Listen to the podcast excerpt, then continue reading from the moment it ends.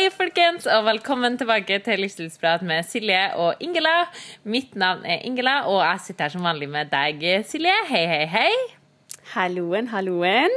Good to be back. Good to be back, yes. Eh, og i dag, Silje, så har vi tenkt at vi skal prøve også ta tak i et tema som eh, vi har eh, forstått at eh, det kanskje trenger en liten grounding på før at vi kan begynne å bygge mer forståelse oppover. Eh, mm. Har du lyst til å presentere temaet for oss i dag? Ja. Så i dag så har vi lyst å snakke om temaet Hva har du på tallerken? Og grunnen til at vi har lyst til å snakke om dette, det er fordi at når vi har eh, på en måte tenkt framover hva vi ønsker å snakke om i denne podkasten, så er det veldig viktig for oss at alle henger med på det som vi snakker om, og at vi føler liksom at vi har lest kapittel 1 og kapittel 2 og kapittel 3 før vi tar fatt på kapittel 4. Så i dag så tenker vi at uh, dette her blir på en måte litt sånn en uh, Litt mer sånn intro inn mot uh, kostholdsbiten og en del tema som vi har lyst til å snakke om i tida framover. Så i dag så skal vi da snakke om hva har du på tallerkenen. Og du kan jo gi en sånn insight i hva er det vi mener med det temaet. Mm, det var en veldig fin eh, forklaring på hvorfor vi har valgt å starte her vi gjør, i hvert fall.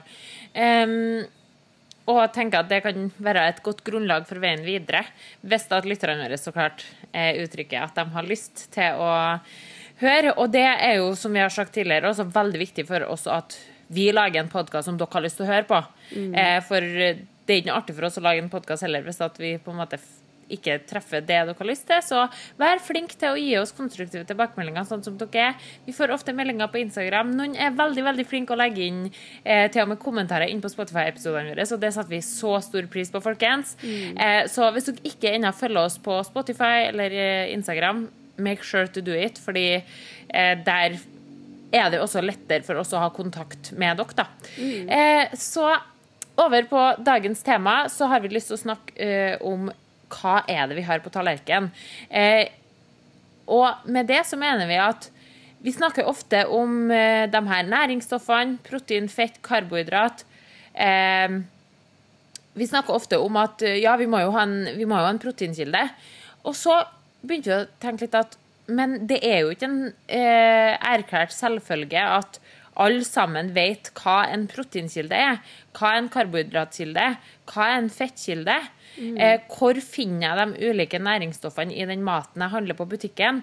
Når jeg setter sammen middags, eh, middagplan for uka, hvordan kan jeg sjøl sjekke at OK, men så her har vi en proteinkilde, så her har vi en karbohydratkilde, og vi har en fettkilde her. Um, så Derfor så har vi lyst til å prøve å på en måte gi litt mer eh, personlighet til de her eh, overskriftene, protein, fett og karbohydrat. Vi har også lyst til å snakke litt om eh, liksom hvordan de her går over i hverandre. For det er klart at én ting er eh, ikke bare svart-hvitt. Eh, mm. veldig, veldig mange av de eh, matvarene som vi har i huset vårt, er eh, gjerne en kombinasjon av f.eks. en fettkilde og en karbohydratkilde, eller en fettkilde og en proteinkilde. Eh, og kanskje gi litt verktøy på hvordan man kan klare å spotte det, eh, og hvordan man da kan lettere klare å sette sammen et fullkomment måltid. Fordi det er jo sånn at vi eh, Eh, vil, vi nevner ofte at vi vil at det skal være et balansert måltid, eller at, vi, at, det skal være flere næringsstoff i et og samme måltid. Så det skal vi også starte kanskje med å introdusere litt eh, der. Eh, men ja, mm. det tror jeg forklarer Bright hva vi, skal, hva vi skal, og hvorfor vi skal snakke om det her i dag. Mm. Og det her er jo et verktøy som vi ønsker at dere skal kunne ta med dere i praksis. For det er så mange ting som på en måte blir snakka om, som på en måte er sånn Ja, eh, det, er viktig med karbohydrater, og så og så mange gram karbohydrater, osv., osv. Og så er det litt sånn OK, når du faktisk står der da, og skal ta til deg middagen, hvordan kan du sjøl spotte hva som er disse ulike kildene til ulike eh, næringsstoffer? Og på den måten så er det mye enklere å forstå dette med kosthold, og for å kunne eh, jeg skulle si trikse rundt med kostholdet, så er det veldig viktig å ha den forståelsen i grunn. Det å vite hva de ulike tingene er, hvordan de ulike tingene ser ut på tallerken, eh, og på den måten kunne bygge opp eh, et måltid ut ifra den kunnskapen som du har. Og kunnskap gir oss så mye rom for å eh, trikse og mikse for å kunne få til det som du ønsker med kostholdet ditt. Så jeg tenker det første som kan være fint at vi gjør, er jo å bare liksom si helt kort og presist hva er egentlig funksjonene til proteinet, karbohydrater og fett. Eh, har du lyst til å si det? Nei, bare ta det, take it away, du, Silje. All right. Så veldig, veldig kort fortalt så har du da proteinet, som da ofte blir betegna som kroppen sine byggesteiner. Så har vi karbohydrater, som er kroppen og hjernen sin energi. Og så har vi fett, som har mange ulike funksjoner i ulike organ og ulike prosesser i kroppen. Og det som er viktig å ta med seg, det er at vi trenger en passe mengde av alt. Alle disse eh, ulike tre tingene da, har sin plass i et eh, kosthold, har sin viktige plass i kroppen sine prosesser og funksjoner. og Derfor er det òg viktig at kroppen får riktig mengde av de ulike tingene for å kunne fungere så optimalt som mulig. Så husk det at eh, de har sine egne funksjoner i kroppen. og Derfor så ønsker vi gjerne òg at de skal ha sin plass i et kosthold og på din tallerken når du tar til deg et måltid. Mm. Kjempe, kjempebra. Og altså, det er jo her det på en måte Grunnen til at vi forklarer det så grunt nå, det er fordi at det Silje kunne ha snakka Vi, vi snakka om det før vi starta episoden. Vi kunne ha snakka en time om hvert Vi kunne hatt en times episode om hver eh, energikilde. Eh, altså både fett, og protein og karbohydrat. Men vi skal bare gi dere overskrifter nå, for vi har lyst til å sjekke om det her er interesse for i hele tatt. For at jeg og Silje kan godt sitte og nøle og snakke om hvorfor eh, karbohydrat er uh, bra, og, og, hvorfor det er viktig å få med seg og sånt.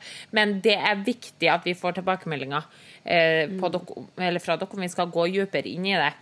Eh, og så er det jo også sånn at eh, et kosthold er det er, altså Kosthold er så komplekst.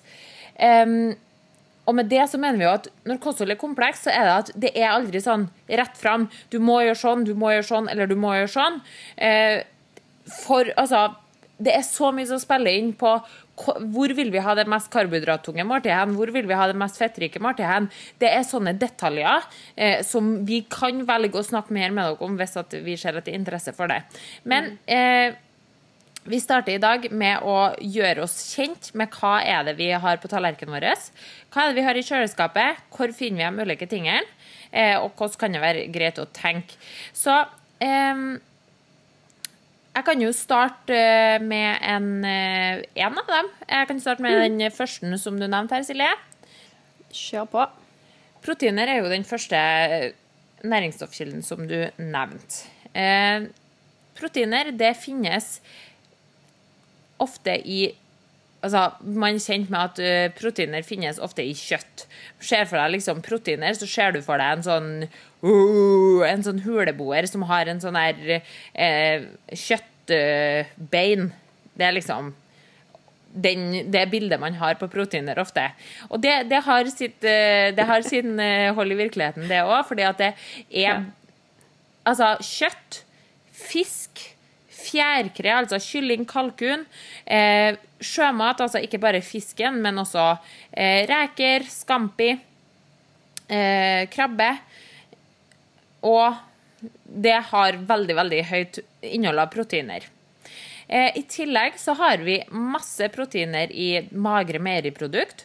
Magert meieriprodukt er jo også en definisjon, men det at det er et lavere fettinnhold, da. Når vi snakker om noe magert eller ikke, så snakker vi om fettinnholdet. Så hvis det er et magert meieriprodukt, så er det ofte lavt på fett.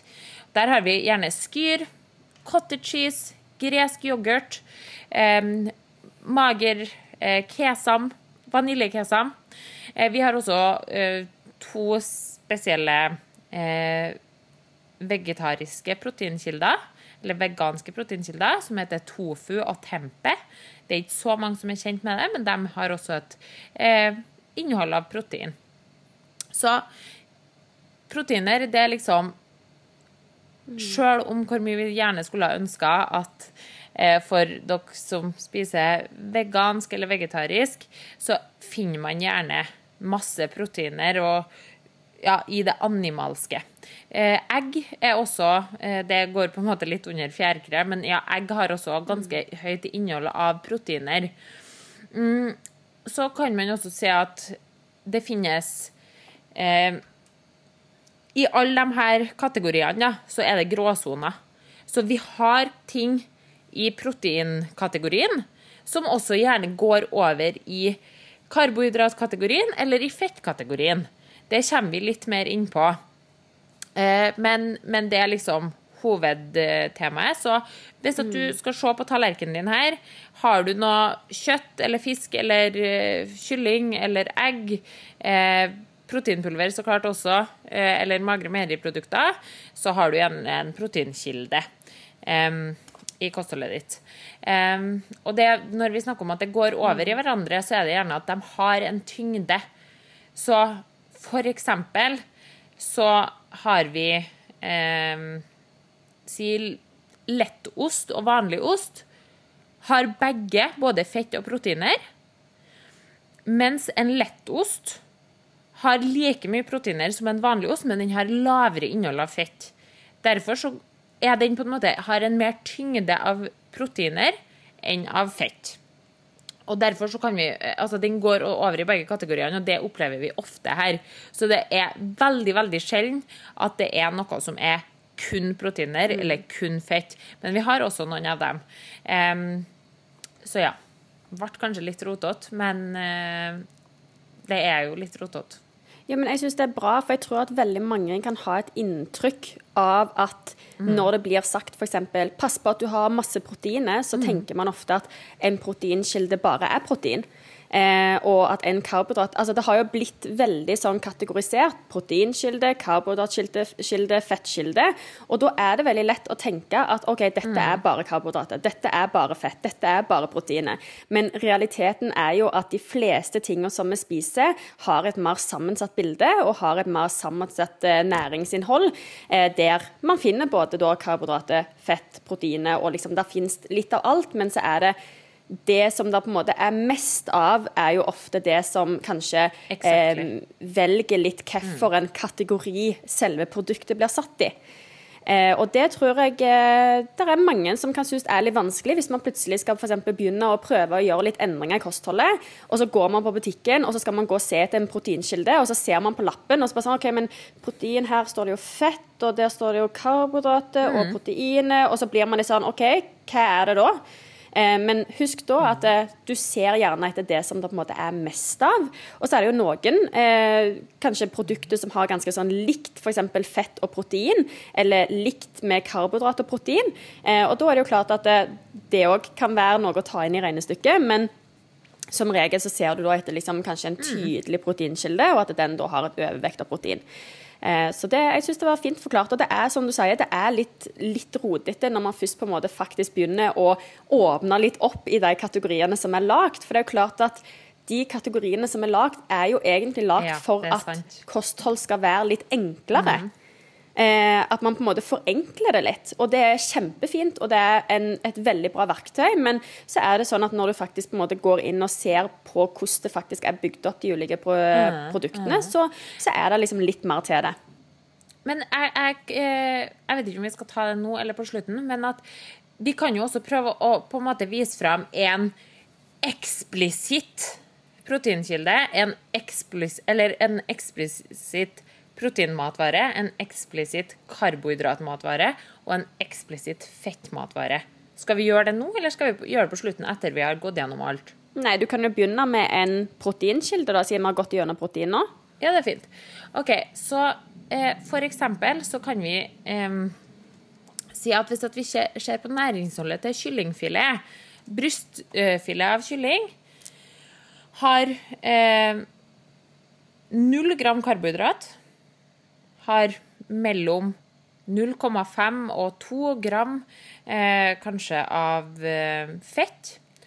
Og så har den mellom 20-22 gram av protein. Så som man hører her, så er det ikke noe carbs. Altså carbs. Det er ikke noe fett, nesten ikke, men en, ja, 23 gram proteiner per 100 gram. Det resulterer i at nesten 100% av kaloriene i denne kyllingen kommer fra proteinet. Og det er egentlig det som bestemmer hvordan vi vurderer det. Så kyllingfilet det er en veldig mager, altså ren proteinkilde. Det er ikke noe carbs, det er nesten ikke noe fett. Det er bare proteiner som veier noe her. Um, så ja. Har du lyst til å ta oss med på en liten mm. karbohydrattur, Silje? Mm.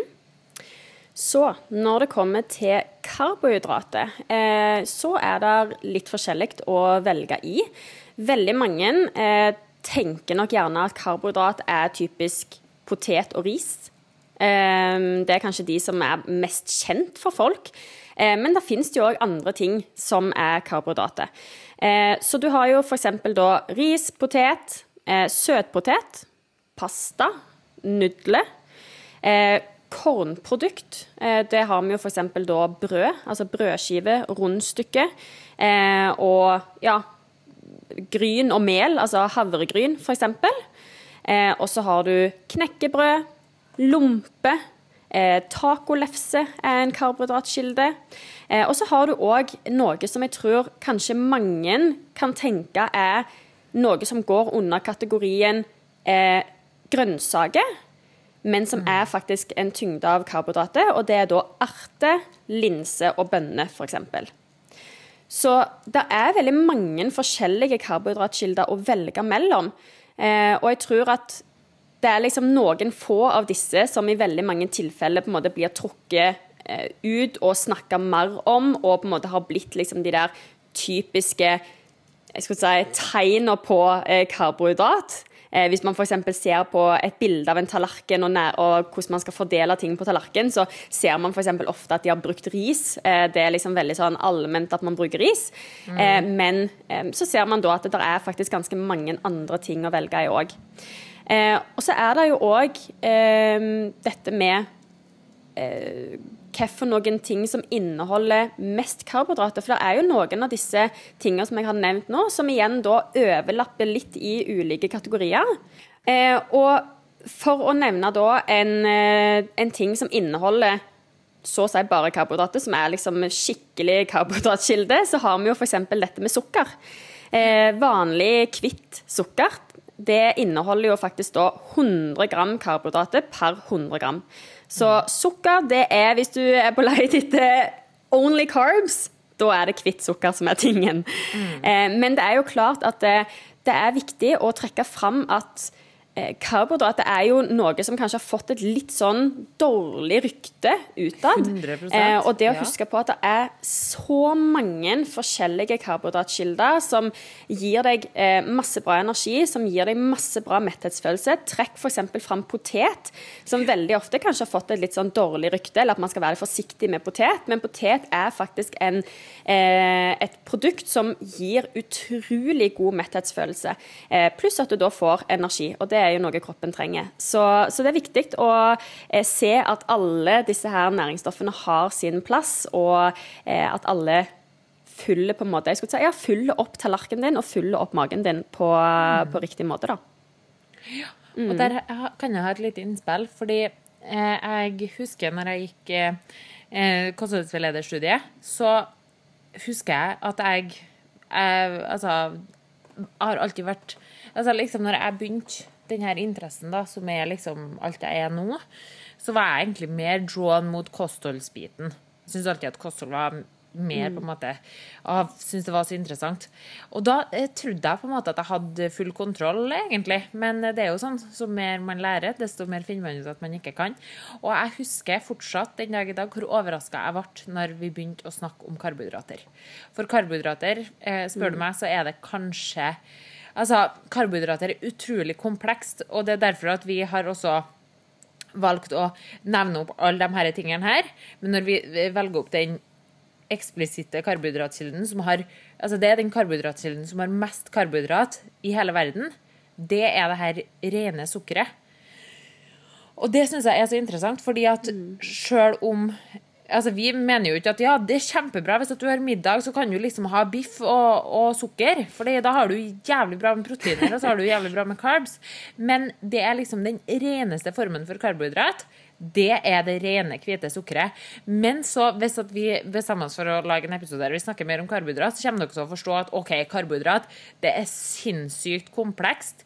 Og derfor så finnes mm. karbohydrat i så mange forskjellige former. Og det er veldig, veldig interessant. Sånn som du nevnte her, Silje, med den poteten, som er mm. utrolig eh, Altså tar utrolig stor plass i magen. Masse volum, masse fiber. Eh, bra med karbohydrat, men likevel en av de laveste altså de karbohydratkildene med lavest kaloriinnhold. Og Derfor blir det jo i hvert fall mm. interessant for oss som sitter på denne sida, når vi ser at poteten får et så ufortjent dårlig rykte, spesielt i en vektnedgang, når vi vet her at ja, men poteten mm. det er jo kanskje din beste venn.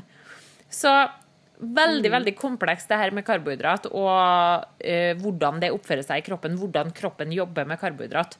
Jeg syns det er så bra at du trekker fram det. fordi at jeg tror at eh, jo mer kunnskap man har, jo mer kan man bruke eh, den kunnskapen for å ja, jeg skulle si spille seg sjøl god igjen, da.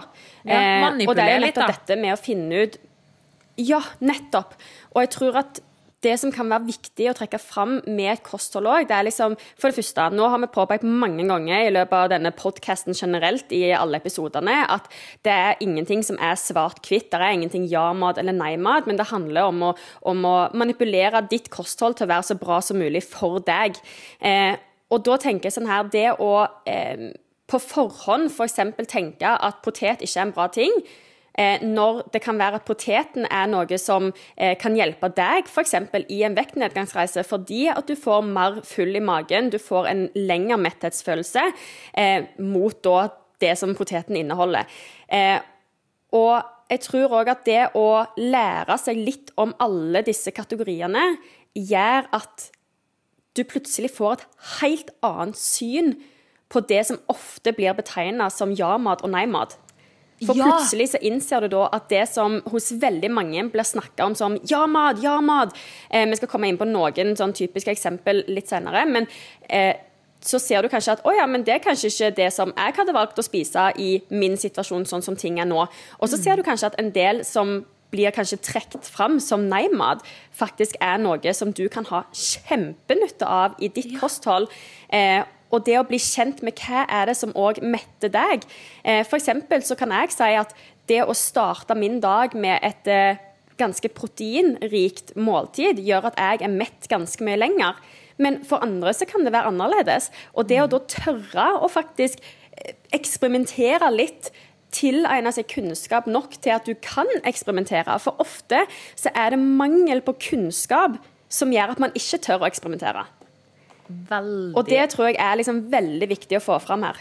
Åh, du, det der var dødsbra, Silje. Det, jeg likte egentlig at vi kom inn litt bare her. For det er jo som du sier, desto mer kunnskap man får, desto eh, mer klarer man å viske ut de derre eh, svart-hvite skillene som gjør til at man begrenser seg. Mm. Jeg har hatt mange erfaringer, spesielt de siste ukene.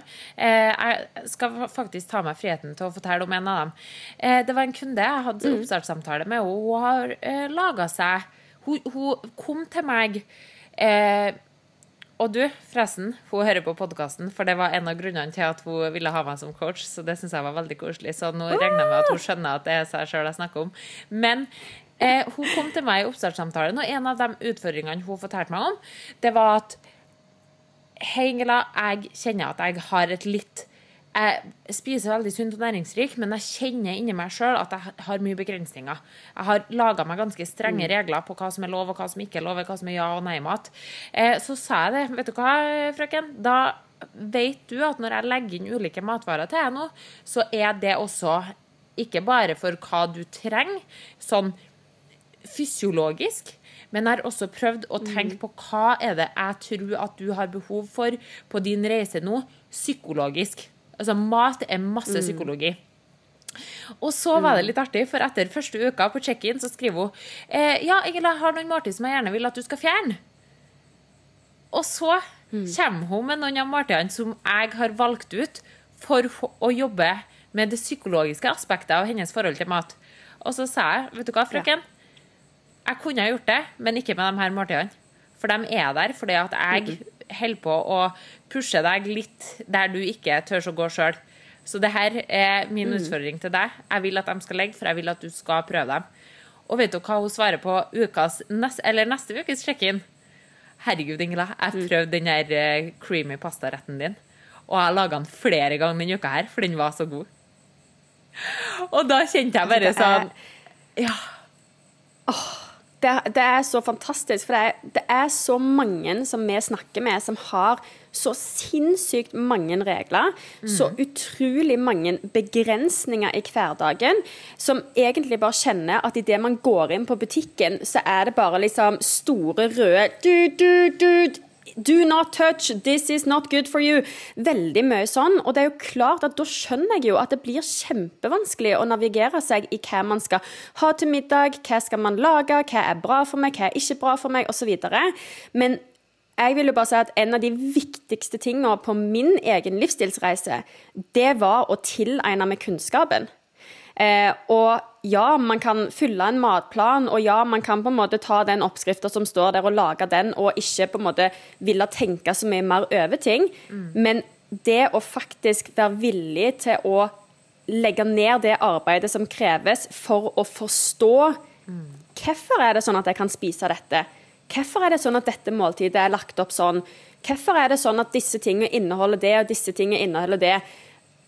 Tar man det steget om å faktisk være villig til å tilegne seg den kunnskapen, så er det bare det er som et nytt univers som åpner seg, og du bare Når du går inn på butikken, så er det bare en det er bare en full sal av muligheter. Det er ingen røde kryss som bare du, du, du, Fordi at du har kunnskapen nok til å vite hva er det disse ulike tingene er.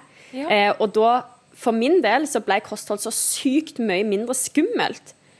Og hvis det er én ting meg og deg opplever veldig ofte, så er det jo at folk vi snakker med, syns at det med kosthold er skummelt, og det er vanskelig. Ja. Og, Og da- det er og da flere ganger jeg har spurt, f.eks. på Inst... Jo, og, og det jeg skulle si da, det var at, og da ender det gjerne opp med sånn som vi har snakka om før. Hvis det er noe som er skummelt, eller noe vi ikke forstår, så velger vi heller å unngå hele situasjonen. Ja. Og da, da blir det nærmere. Og det er jo sånn Ja, nettopp. Og jeg vet jo selv, jeg har hatt flere ganger der jeg har spurt på Instagram f.eks. Hva syns du er vanskeligst? Er det trening, eller er det kosthold? Og i alle gangene jeg har spurt om det, så er det kosthold. Og når jeg da sender melding til disse personene bare Hva, hva syns du liksom er vanskelig? Kan du fortelle mer? Og da er det jo nettopp dette med at det er så mye som er stempla som ja-mat, stempla som nei-mat. Dette er skummelt, dette er farlig, dette kommer ikke til å ta meg mot målet mitt, dette kommer til å gjøre det, dette kommer... Og så er det bare sånn «Åh, Jeg skjønner kjempegodt, og jeg har jo vært der. Og Ja. du har jo vært der. Ja. Så jeg tror liksom at det, det som vi vil, er jo bare å kunne på en måte dele litt av denne kunnskapen. Jeg håper at det vi gjør i dag, er å så litt frø, sånn at du som hører på, har lyst å lære mer. Har lyst til å på en måte ta det lille steget til å faktisk prøve å forstå kosthold litt mer. For at da har du plutselig masse muligheter foran deg. Veldig, veldig fint. Men nå snakker vi oss veldig vekk. Ja, Vil var- du Ja, Snakka litt om fett? Jeg vil snakke litt om fett. Jeg vil gjerne snakke litt om fett. Fett er fantastisk. Eh, og det er, har også fått et uhorvelig dårlig rykte. Eh, noe som eh, har på en måte ført til at eh, måte, Hvis at du er en person som har lyst til å redusere din fettmasse på kroppen, da, så tenker du at for å redusere fettmassen på kroppen, så kan ikke jeg ha noe fett i kostholdet mitt. Og der Yes. er på en måte første. Fordi, som du nevnte, Silje, veldig fint her i starten, så har fettet i kostholdet vårt ulike funksjoner i ulike organer i kroppen vår og i ulike prosesser i kroppen vår. Kan også Mm. faktisk legge til her at for oss damer så har fett en litt Yes. ekstra viktig kilde. Nei, en ekstra, ekstra viktig funksjon knytta til alt det som har med å være dame å gjøre. Eh, og det klarer dere å tenke dere sjøl. det er så viktig å trekke fram. Ja. Eh, og det ser man ofte eh, for, å, for å sette et eksempel. Har man noen som har veldig veldig lav fettprosent, veldig veldig lav kroppsvekt generelt, eh, og f.eks. om det er en, at det er en spiseforstyrrelse involvert, kan også være, men også om man har noen som har på en måte eh, et eh, upcoming fitness-show eller fitness-event, der man skal ha veldig veldig lav fettprosent, så ser man ofte til damene at man dropper mye fett, og at det forstyrrer gjerne syklus, eh, menstruasjon, kanskje uteblir for en periode. Eh, kort eller lengre periode, eh, som følge av at kroppen faktisk ikke får det fettet den trenger. Så når vi sier at fett er fantastisk, så er det en grunn for det. Uansett hvem du er, så er det kjempeviktig at faktisk fettet blir opprettholdt i eh, i kostholdet. Eh, så over på hvilke matvarer. Hvor finner vi fettet hen? Jo, eh, vi finner fettet ofte i nøtter og nøttesmør som er laga av nøtter, naturligvis. Vi finner fett i olje, vi finner fett i avokado, vi finner fett i oliven, feit fisk, eh, oster. Eh, mange av de animalske proteinkildene som vi har nevnt, har også ofte et høyt innhold av fett. Eksempel, det finnes jo ulike typer biff. Noen biffer har mer fett, mm. og andre har mindre fett. Um, smør eh, altså feite kjøttstykker på et dyr kan, Selv om det er ofte en proteinkilde, så er det ofte høyt på fettet, som sagt. Um, mm. Og her er det jo spesielt to ting som jeg har nevnt, som kanskje folk blir litt overraska over, og det er jo avokado og oliven. Som ofte, mm. I likhet med de tingene du nevnte i karbohydratkilden din, Eh, ofte man tenker at ja, men det er jo en grønnsak. Avokado er jo en grønnsak. Eh, eller kanskje teknisk sett en frukt, hvis man har sett på det. Eh, mm. Men avokado og oliven f.eks. har et ganske høyt innhold av fett. Så avokado blir sett mm. på av meg så blir det skjedd på som en fettkilde, fordi at det er fettet som veier tyngst her. Eh, hvis vi skal se på hva er det som blir vår eksplisitte, den reneste fettkilden vi finner, så har vi olje på førsteplass. Oljen den inneholder intet mindre enn 100 gram fett per 100 gram. Det vil si at det finnes ikke karbohydrat i olje, og det finnes heller ingen proteiner i olje. Reneste fettkilden du har, olje. Og da kan jeg også bare legge til rapsolje, solsikkeolje, eh, soyaolje, om det er noe som heter det, olivenolje. Olje er olje uansett. Det varierer bare hvilken kilde oljen er utvunnet fra. Alle oljene har 100 gram eh, fett per 100 gram vare. Eh, eller sånn mellom 90 og 100, kan jeg si. Ja. Mm. ja.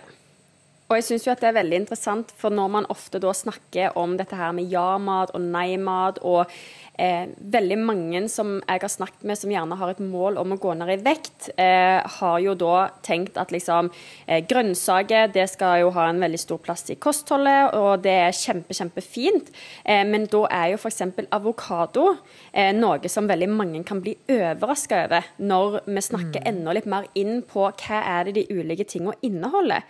Eh, for veldig mange som, eh, som, jeg har snakket med, har et inntrykk av at f.eks. avokado er veldig sunt. Det er noe man kanskje kan liksom ah, Istedenfor å, å gå på liksom eh, Ja, jeg kjenner på litt sånn matsug eller sånne type ting, så da tar jeg meg en halv avokado og spiser den. Og når man da faktisk går inn på hva en avokado inneholder, så er det veldig mange som blir overraska, fordi at det er veldig mange som sidestiller en avokado, som er liksom grønn og innafor liksom, ja, frukt og grønt osv., som gjerne sidestiller det med f.eks. salat. Eh, men så ser vi jo at eh, en avokado inneholder veldig mye, og det trenger ikke være en dårlig ting, men det kan være fint å vite. Ja, veldig. Og det kommer vi også til å, Skal vi lage en eh, episode om fett, så kommer vi, da kommer vi også til å finne ut at avokadoen har veldig mye av de fettsyrene som vi ønsker å ha som en del av kostholdet vårt for å opprettholde gode funksjoner mm. i, i, kroppen og for å, å, støtte organene sine behov. Fordi at eh, fett er ikke bare fett, liksom. Det er mange ulike kategorier der, og avokadoen scorer høyt. Mm. Eh, men det er fortsatt fett. Det er ikke det mm. samme som gulrot eller agurk. Mm. Um, nesten at det som vi avslutter med der Jeg er nesten litt sånn frista til om vi faktisk bare skal kjøre rett på med lytterspørsmålet som går litt videre på akkurat den siste setningen du sa der. Ja, la oss stille meg spørsmålet. Skal vi det? Så, ja, vi gjør det. La oss gjøre det.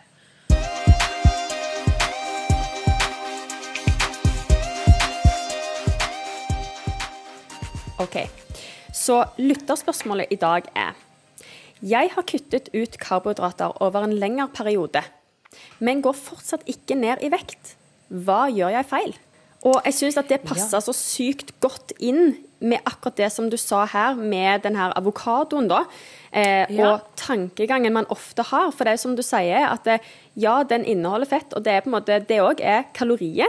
Eh, men alle ting har sin plass i et kosthold. Og det her er jo noe som veldig mange tenker med f.eks. karbohydrater, sånn som i dette spørsmålet her. At jeg har kutta ut karbohydrater, men hvorfor går jeg da ikke ned i vekt? Ja. Ja, det, jeg syns at du plasserte egentlig det her lytterspørsmålet på en perfekt plass. Jeg er helt enig med deg. Eh, så du, du forteller oss at du har kutta ut karbohydrater. Og eh, med måten du har formulert spørsmålet på, så kan jeg også forstå at du tenkte at OK, hvis jeg kutter ut karbohydrater nå, så går jeg ned i vekt. Men det er ikke det du har opplevd. Eh, det som ofte skjer da når man kutter ut karbohydrat, eh, det er jo så klart at eh, for å bare ta oss tilbake til det vi starta innledningsvis med, karbohydrater det er det som gir både kroppen vår og hjernen vår energi. Så du kutter ut det som gir kroppen din og hjernen din energi. Da kan jeg fort tenke meg at man kjenner seg litt eh, tom, man kjenner seg litt daff, man kjenner seg litt energiløs, rett og slett. Em, og hva er det som skjer når vi blir energiløse, Silje? Da vil man jo ofte gjerne ligge på sofaen, være litt mindre aktiv. Kjenne meg eh, sliten, så da OK, kroppen er sliten i dag. Jeg tror, det, jeg tror det er riktig for meg å hvile litt i dag. Det er jo ofte det som skjer. Veldig, veldig sant. Hva skjer med treninga di? da? Klarer du å pushe godt på treninga di i dag? Eller i morgen? Nei, altså da vil jo òg prestasjonen på trening f.eks. kunne bli dårligere fordi at du ikke har noen ting å pushe med. Der er ingen energi, der er ingen futt i kroppen. Eh, og dette er jo noe som vi ser veldig ofte, det er at eh, hvis man kutter da ut veldig mye karbohydrater, og sånn som her, du har kutta ut eh, store mengder karbohydrater over en lengre periode, eh, da ser man jo ofte at aktivitetsnivået blir mye lavere. Eh, du har mindre overskudd i hverdagen til å gjøre ting. Eh, pluss at du da mest sannsynligvis presterer dårligere på trening over en periode, som òg kan gjøre at eh, treningen heller på en måte ikke gir deg de resultatene som du kanskje ønsker. Og det Da har vi på en måte etablert at okay, det er stor sannsynlighet for at aktivitetsnivået ditt har gått ned. Du pusher dårligere på trening. Um, det igjen, i sin tur, hvis vi skal gå enda lenger der, så er det jo at hvis vi ikke klarer å opprettholde den muskelmassen vi allerede har, så vil jo det òg i sin tur faktisk gjøre til at eh, hvor mye energi som kroppen bruker på å eh, gjøre de tingene man gjør, eh, går ned. Uten at vi skal gå for mye inn på det. Men det som ofte skjer også, da, det er at ok, så du kjenner at du har lavere energi. Du kjenner at eh, du går på sparebluss, på en måte. For det gjør du. Eh, for kroppen din og hjernen din har ikke noe energi. Og det som ofte skjer hvis at man føler at man går på sparebluss, det er jo at man både reduserer aktiviteten, som vi har nevnt, men det skjer ofte også at vi spiser litt mer. For vi kjenner at åh, jeg, jeg trenger noe for å komme meg ovenpå her. Men du har jo allerede bestemt at du ikke skal spise karbohydrater. Så det gjør jo gjerne til at ok, men du finner noe annet. Da spiser du gjerne proteiner eller fett, da, for det er jo de to næringsstoffene du står igjen med. Og da har jeg faktisk lyst til å slenge den rett tilbake til deg, Silje. For du nevnte det her med ok, kanskje jeg da hadde gått for å spise en avokado. Og det er jo kjempebra, for avokado er jo supersunt. Men det som da skjer hvis jeg eh, bestemmer meg for å spise en eh, avokado bare for å prøve å komme meg ovenpå. Si at jeg, okay, jeg skal ha bare avokado, så tar jeg avokado med salt og pepper. Fordi at eh, det er jo avokadoen jeg er ute etter her. Så vil det kanskje gjøre til at det underskuddet eh, som vi trenger for å gå ned i vekt, blir eliminert. Fordi at du spiser en avokado, det kan faktisk være for noen nok til å ta deg ut av det underskuddet. Eh, hvis vi da ender opp på et vedlikehold, så vet vi fra episoden om vektnedgang, kalorier inn og kalorier ut, at eh, legger vi et vedlikehold, så kommer ikke vi til å gå ned i vekt. Og det her er, kommer til så å være min final sentence på dette spørsmålet. Det har ingenting å si hva du kutter ut eller legger til i kostholdet ditt. Hvis at du har et mål om å gå ned i vekt, så trenger vi at du legger i et kaloriunderskudd. Vi trenger at du inntar mindre kalorier til kroppen din enn du forbruker i løpet av en dag. Og den eneste Ja, måten å Ja, takk.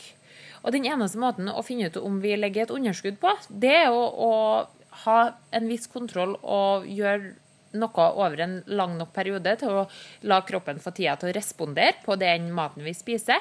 Og hvis vi da ser at vi etter en måneds tid da, med det her nye kostholdet, f.eks. i ditt tilfelle uten karbohydrat, hvis vi ser at vekta er den samme, så er det én ting som er sikkert, og det er at du har ikke vært i underskudd denne måneden. Det er liksom baseline her. Ja.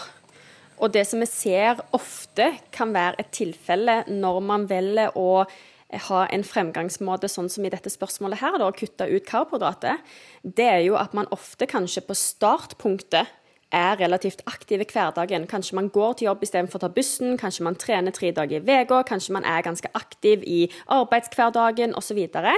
så i starten kanskje man ligger i et underskudd. Men over tid, som du får mindre og mindre energi fordi at du har kutta ut alle karbohydratene, så vil du da begynne å spare inn på energien, være mindre aktiv, som da faktisk på sikt kan gjøre at du plutselig er såpass mye mindre aktiv at det underskuddet du starta med å ligge i, ikke lenger er et underskudd. Fordi at du er mye mindre aktiv i hverdagen. Så det er jo dette her vi har prøvd å få fram i ganske mange episoder, at dette her med kosthold er veldig dynamisk. Og det er derfor det er så viktig òg at ja, du har et startpunkt, og alle må begynne en plass, men et kosthold og veien mot et vektnedgangsmål eller vektoppgangsmål eller vedlikehold, den er veldig dynamisk altså ut ifra hvordan din kropp responderer, og det må hele tida tilpasses. Fordi at noen ganger så er man kjempeaktive, andre ganger så er man mindre aktive. Plutselig så ser man at oi, nå har du ikke energi til noen ting. Da må vi prøve å kanskje endre litt på hva er det du spiser i løpet av dagen, for at du skal klare å opprettholde den energien gjennom dagen som man ønsker, men fortsatt kunne gå ned i vekt eller opp i vekt eller ligge i vedlikehold. Så det er kjempeviktig å huske på at du starter et sted, men ting vil endre seg underveis. Eh, så til deg exactly. som har sendt inn dette spørsmålet her, så tror jeg at det er veldig viktig å nettopp ta med seg den punchlinen som Ingela hadde på slutten på spørsmålet her. At det viktigste å huske på når du ønsker å gå ned i vekt, det er et kaloriunderskudd. Og om du da kutter ut karbohydrater, så trenger ikke det bety da er du i et underskudd to streker under svaret. Det er kjempeviktig. Nei. Og eh, det du nevnte her med at i starten så kanskje du opplever at Eller kanskje du faktisk er et underskudd. Og det kan jo godt hende, for du har fortsatt eh, energi til å bevege deg. Så den faktoren har ikke slått inn ennå, som du sier. En annen ting som er viktig å vite med karbohydrat, det er at ett gram karbohydrat binder tre gram væske i kroppen. Mm. Det vil si at kutter du ut karbohydraten, så kommer også væsken som karbohydraten har bundet i cellene dine. Altså det her er intracellulært, folkens. Mm. Så når jeg snakker om at ett gram karbohydrat binder tre gram væske i kroppen, så vil det si at inni cella di så har du mer vann. Det er så klart vekt. Det vil si, kutter du ut karbohydraten, så trekker vi også vannet ut av cellene. Da kan man gjerne i starten av en lavkalori eller en ketogenisk diett der vi har lite karbohydrat, oppleve at Oi, gud om meg, det funka godt! Mm. Herlighet! Lavkarbo funker kjempegodt. Men vi har ikke fjerna noe fett, med mindre vi har ligget i et underskudd. Men pga. at du har starta med et eh, kosthold uten karbohydrat, sånn som du har her, at du har kutta ut karbohydraten, så har du også droppa den vannvekta som karbohydraten følger med. Mm. Men du har fortsatt ikke starta på det underskuddet som krever for at du skal nå den vektnedgangen din på 3, 5, 10, 15, 30 kilo. Mm. Fordi at det er bare det akkurat i starten at du kan få det droppet. Og så har du, som Silje også sa, et høyere aktivitetsnivå. Mm. Så når vi da har fjerna det dropper i vannvekt pga. den karbohydraten vi hadde, i tillegg til at vi har fjerna den faktoren der vi har fortsatt energi til å bevege oss, eh, ha et høyere aktivitetsnivå, pushe godt på trening Når vi fjerner de to faktorene, så er gjerne, ser man gjerne at den kurven blir flat. Mm. Og det er jo det veldig mange kjenner på, at de får en voldsom motivasjon i starten. Bare 'Herregud, jeg har droppa noe voldsomt første ukene'. Eh, ja. Men sannheten er jo at veldig ofte når man får sånne liksom voldsomme dropp, og eh, man ser f.eks. da at man har kutta ut karbohydrater, så er det jo ikke kroppssammensetningen som har endra seg. Og exactly. jeg regner med at de fleste som har et mål om å gå ned i vekt, de har et mål om å endre kroppssammensetning. Mm, vil du bare forklare kjapt hva det betyr å endre kroppssammensetning? For det syns jeg er litt interessant. Ja, altså endre kroppssammensetning. Da er det f.eks. det å eh, gå ned i fettmasse. Eh, opp i muskelmasse, f.eks. Det er jo et mål som jeg vet veldig mange har. Man ønsker å bygge muskler, men man ønsker å typisk gjøre den der stramme inn kroppen. Eh, og da er det jo ofte det å gå ned i fettprosent, rett og slett. Så det kan være en måte å endre kroppssammensetning på. Du endrer basically hva kroppen din består av. Ikke sant. Jeg har faktisk lyst til å eh, ta en liten sånn eh, eksempel, bare for å sette ting litt på spissen for dere.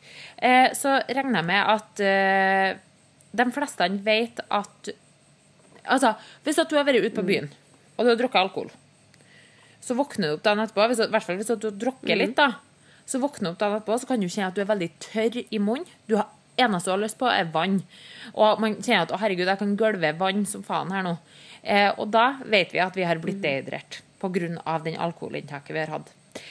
Da er det ofte sånn, hvis du går på vekta eh, eller ser deg i speilet dagen etter du har drukket Jeg i hvert fall dropper vekt etter jeg har drukket, og jeg kan se i speilet at jeg har definisjoner på kroppen som jeg ikke hadde før jeg gikk ut. Og da er det jo heller ikke sånn at jeg tenker sånn Å, herlighet, nå har jeg jo droppa i fettprosent her. Nå, eh, det her var jo kjempebra. Jeg tror jeg må drikke meg full oftere, for da blir jeg jo ripped Ja. til slutt. Hvis jeg fortsetter sånn her. Nei, nei. Det her er det som har skjedd akkurat til deg som har droppa karbohydrat òg. Jeg har dehydrert meg sjøl. Derfor så har jeg droppa i vannvekt, eh, og er dehydrert, men det kommer tilbake. Eh, fordi at kroppen må bare eh, på en måte få opp eh, Altså eh, Hva heter det? Hydreringsstatus igjen. Så kommer jeg til å ha ikke bare den vekta jeg hadde, men gjerne litt over. Eh, fordi da har jeg eh, gjenoppretta den væskebalansen. Eh, så det er litt det samme her. Eh, Sjøl om du kanskje dropper vannvekt pga. at du kutter carbs Veldig rar måte å si det på. Kutte carbs. Eh, så, så betyr ikke det at du har droppa i fettmasse, som eh, Silje sier. Og det er jo som du sier, de fleste har jo det som mål. Eh, Det er jo alltid når vi spør sånn OK, er det, er det vekta, eller er det fettprosenten? Så vil jo folk ned i fettprosent. Ja, det er jo det som de aller fleste som har okay. sånne mål, vil. Så jeg tror det, det er godt at vi liksom får skilt av litt her, og bare liksom forklart litt sånn i korte trekk de ulike tingene som kan skje med kroppen ved kutting av ulike matvarer, eh, og òg tilføring av ulike matvarer. Jeg syns det, det er kjempebra, og jeg, tror det er, jeg håper at det er mange som kan kjenne på at det er nyttig. Eh, og jeg tenker jo at vi har jo en eh, oppgave som, Veldig fin. som jeg tror er veldig fin. Ja, vil du ta den?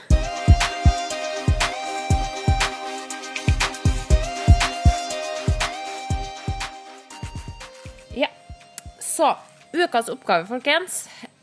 En veldig sånn aktivt inkluderende oppgave. Vi vil at dere skal være til stede eh, når eh, dere spiser etter dere har eh, hørt denne episoden og denne oppgaven. Da. Så i løpet av den neste uka, en dag ved middagsbordet, fortell deg sjøl hva er det som er karbohydratkilden her? Hva er det som er proteinkilden? Og hva er det som er fettkilden på din tallerken? Klarer du å se på de ulike matvarene som du har på bordet, og spotte ut ok, her har jeg protein, her har jeg fett, her har jeg kar karbohydrat. Her er kanskje noe her som er både protein og karbohydrat. Spør deg sjøl. Ta et aktivt eh, en aktiv liksom, indre dialog med deg sjøl når du ser på tallerkenen din. Um, så tror jeg det kan være veldig eh, lærerikt. Det er superbra, og jeg tror at det er en veldig fin plass å begynne. Fordi at, altså jeg tror veldig mange kan synes det er skummelt å skulle liksom dypdykke litt i dette her med kosthold. For jeg vet at for mange som kan kosthold være liksom, ja, skummelt, vanskelig, kanskje litt sårt. Men jeg tror at det å på en måte ufarliggjøre den kunnskapen litt er veldig viktig. Og jeg tror at den eh, oppgaven som vi har her, er veldig en sånn fin sånn introduksjon til hvordan man på en måte kan, kan reflektere over disse tinga. Eh, at det trenger ikke være verre enn at du ser på tallerkenen din og bare liksom registrerer hva er det jeg har på den, på en måte. Jeg er helt enig. Jeg tror det er kjempelærerikt. Og så hvis man ser at OK, det her syns jeg var litt interessant, gjerne tenk over det neste gang du lager deg ja, Hvis du tar en av eller min og Silje sin favoritt, da, hvis du lager en havregrøt eller en smoothie bowl Når du setter sammen det måltidet, hva er det? For da, da, kanskje for mange så kan det være litt vanskeligere å spotte ut på en havregrøt eller en mm. smoothie bowl hva som er de ulike kildene til karbohydrat, fett og protein. Men prøv også der. Se etter om har jeg litt av alt. Har jeg noe protein? Har jeg noe fett? Har jeg noe eh, karbohydrat mm. her? Så er det ganske lærerikt, mm. altså. Det også tror jeg at det her også gir oss litt sånn der Vi har snakka mye om at kosthold skal være litt av alt. Alt med måte, balanse de her type mm. tingene.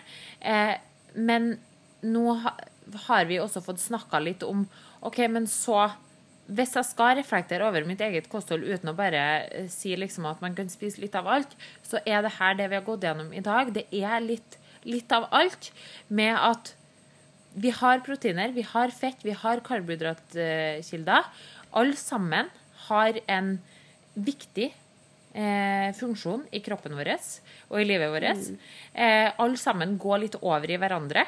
Eh, og hvis at vi klarer å eh, ikke gjøre noen til noe jævel eller noe uh, syndebukk i noe som helst. Hvis vi klarer heller å se på de ulike eh, næringsstoffene som verktøy i kostholdet vårt, klarer vi også kanskje å navigere enda mer i den jungelen eh, der ute med alt som eh, alt som, finnes, som det finnes muligheter for å spise. Da, og da ser vi også kanskje at når vi er, har blitt mer trygge på de ulike, så eh, blir det heller ikke så skummelt eh, å spise ting som man kanskje før var redd for fordi at det var ditt mm. eller datt.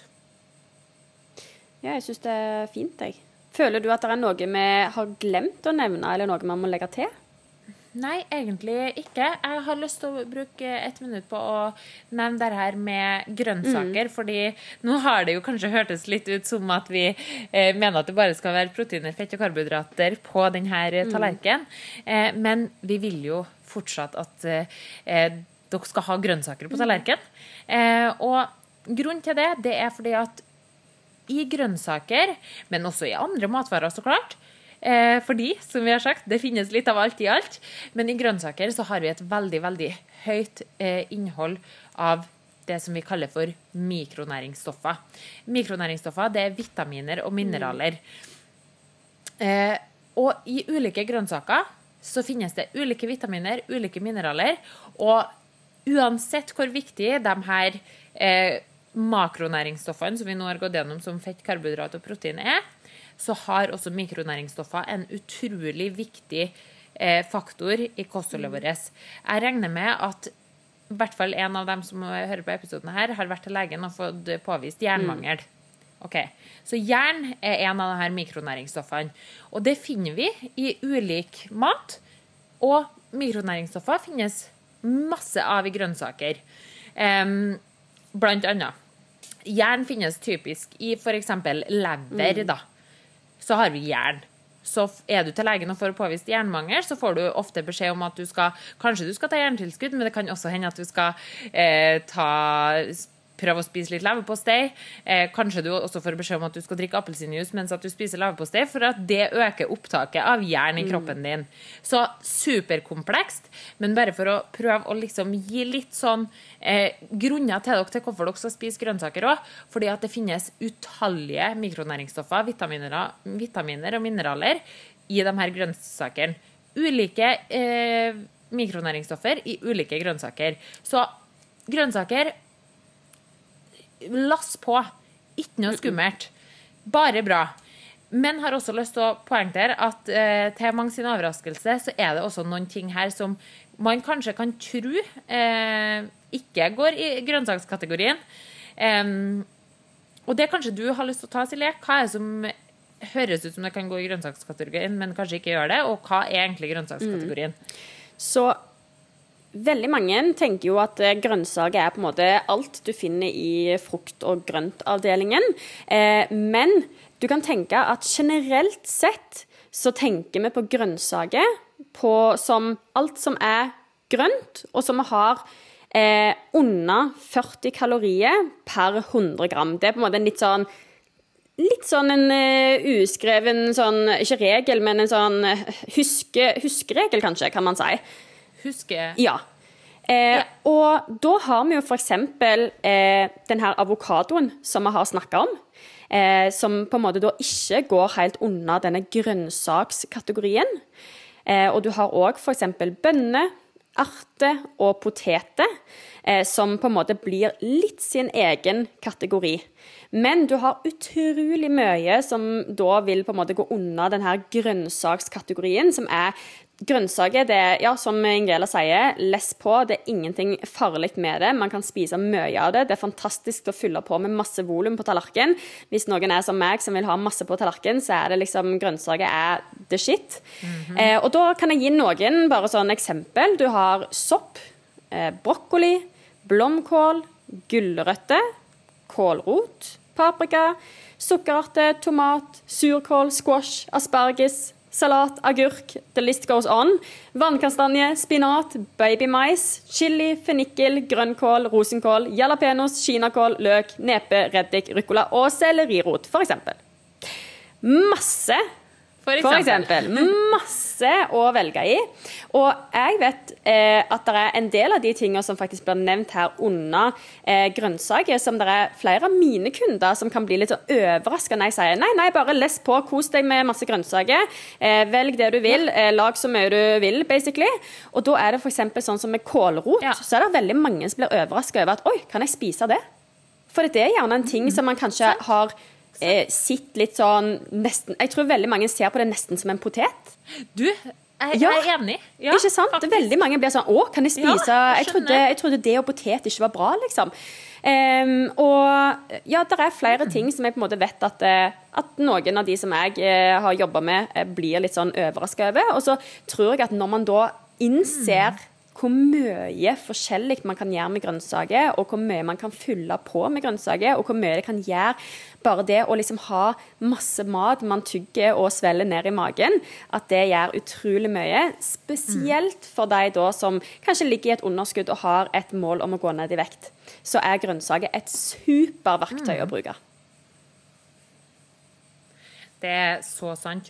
Og i tillegg til at grønnsaker har masse fine mikronæringsstoffer, så har jo de alle grønnsakene du nevnte, og alle dem som vi ikke har nevnt nå, Silje, de har jo så mye fine mm. farger. Mm. Og bare, bare, det å ta, ta ei brødskive med leverpostei som egentlig grå, brun eller rød, eller hva faen man ja. skal kalle det for, legg på litt agurk og salat og kanskje noe eh, spirer oppå den brødskiva med leverpostei, så kommer det til å gjøre noe med hvordan du opplever det å spise mm. det måltidet. Det kommer til å gjøre noe med det psykologiske igjen. Eh, I tillegg så har faktisk grønnsaker utrolig mye fiber. En av de viktigste fiberkildene i kostholdet. Det er også mange som blir mm. overraska over, for de tenker at fiber det er dansk rugbrød og punktum. Yes. Men fiber det finner vi så klart i eh, alt av grove kornprodukt, desto mindre, eh, mindre nedmela det er, desto mer fiber. Men det finnes også utrolig mye med fiber i eh, grønnsaker. Og fiber som du nevnte, eh, er grønnsaker helt nydelig for dem som har et mål om vektnedgang. Mm. Og det er også fordi at fiberet gir en eh, metthetsfølelse i magen vår. Mm. Så grønnsaker, altså La oss bare rive bort den eh, labelen hvis det er noen som sitter og tenker at det er der Hvis det er noen som tenker at det er der Lasse Bekke Ja, det er fordi at jeg spiser for mye grønnsaker at jeg ikke går ned i vekt. Nei, nei. Det er ikke grønnsakene sin feil. Eh, det, ja, det tror jeg er viktig. Altså. Fy søren. Og jeg tror at det, det, det å bare Har du lyst til å mm. Nei, bare snakk. Sorry. Jeg skulle ikke, jeg skulle ikke si noe viktig. Jo, men si en hva. jeg skulle bare si at de som tenker at det er tiltak, altså stress, ja. å lage og ha grønnsaker med maten sin, da ja. Nei. Det tar så kort nei. tid. Kutt opp. Eh, paprika, eh, gulrot og sukkerarte. Hiv det i ei panne, fres i to minutter, smukk på tallerkenen. Helt fantastisk. Så det har alle altså, Så fort man knekker den koden og innser at det ikke er noe stress å inkludere eh, grønnsaker i eh, maten sin, så, så åpnes det òg opp en ny verden, for å si det sånn. Du, det er faktisk sant. Og hvis du er enda latere enn det, Og det er ikke noe galt å være latere enn det, for det kan være at du er, det kan være at du er travlere enn det òg. Uansett hva som er grunnen til at du syns at uh, de tre grønnsakene som Silje slengte i panna på to minutter, at det var for stress, så kan du faktisk også gå når du er på butikken, dra opp fryserlokket, ta Yes. ut en sånn wok-blanding med whatever it might be, sleng det i panna. Altså, det går ikke noe fortere å steke det, men, men uh, Da fryste grønnsaker er også du slipper kuttinga, exactly. Eh, og du slipper å vaske opp etter deg òg. Så Mm. klipp opp posen og hiv i panna, så er faktisk frosne grønnsaker like bra, og ofte faktisk billigere. Eh, Mm. Så hvis at det ikke gjør deg noe å spise eh, frosne grønnsaker, du kan jo også koke dem, sant? Eh, så er det helt, helt innafor. Mm. er det. Men jo, det jeg skal si, det var at jeg lurte på om du hadde lyst til å take us away today. Ja.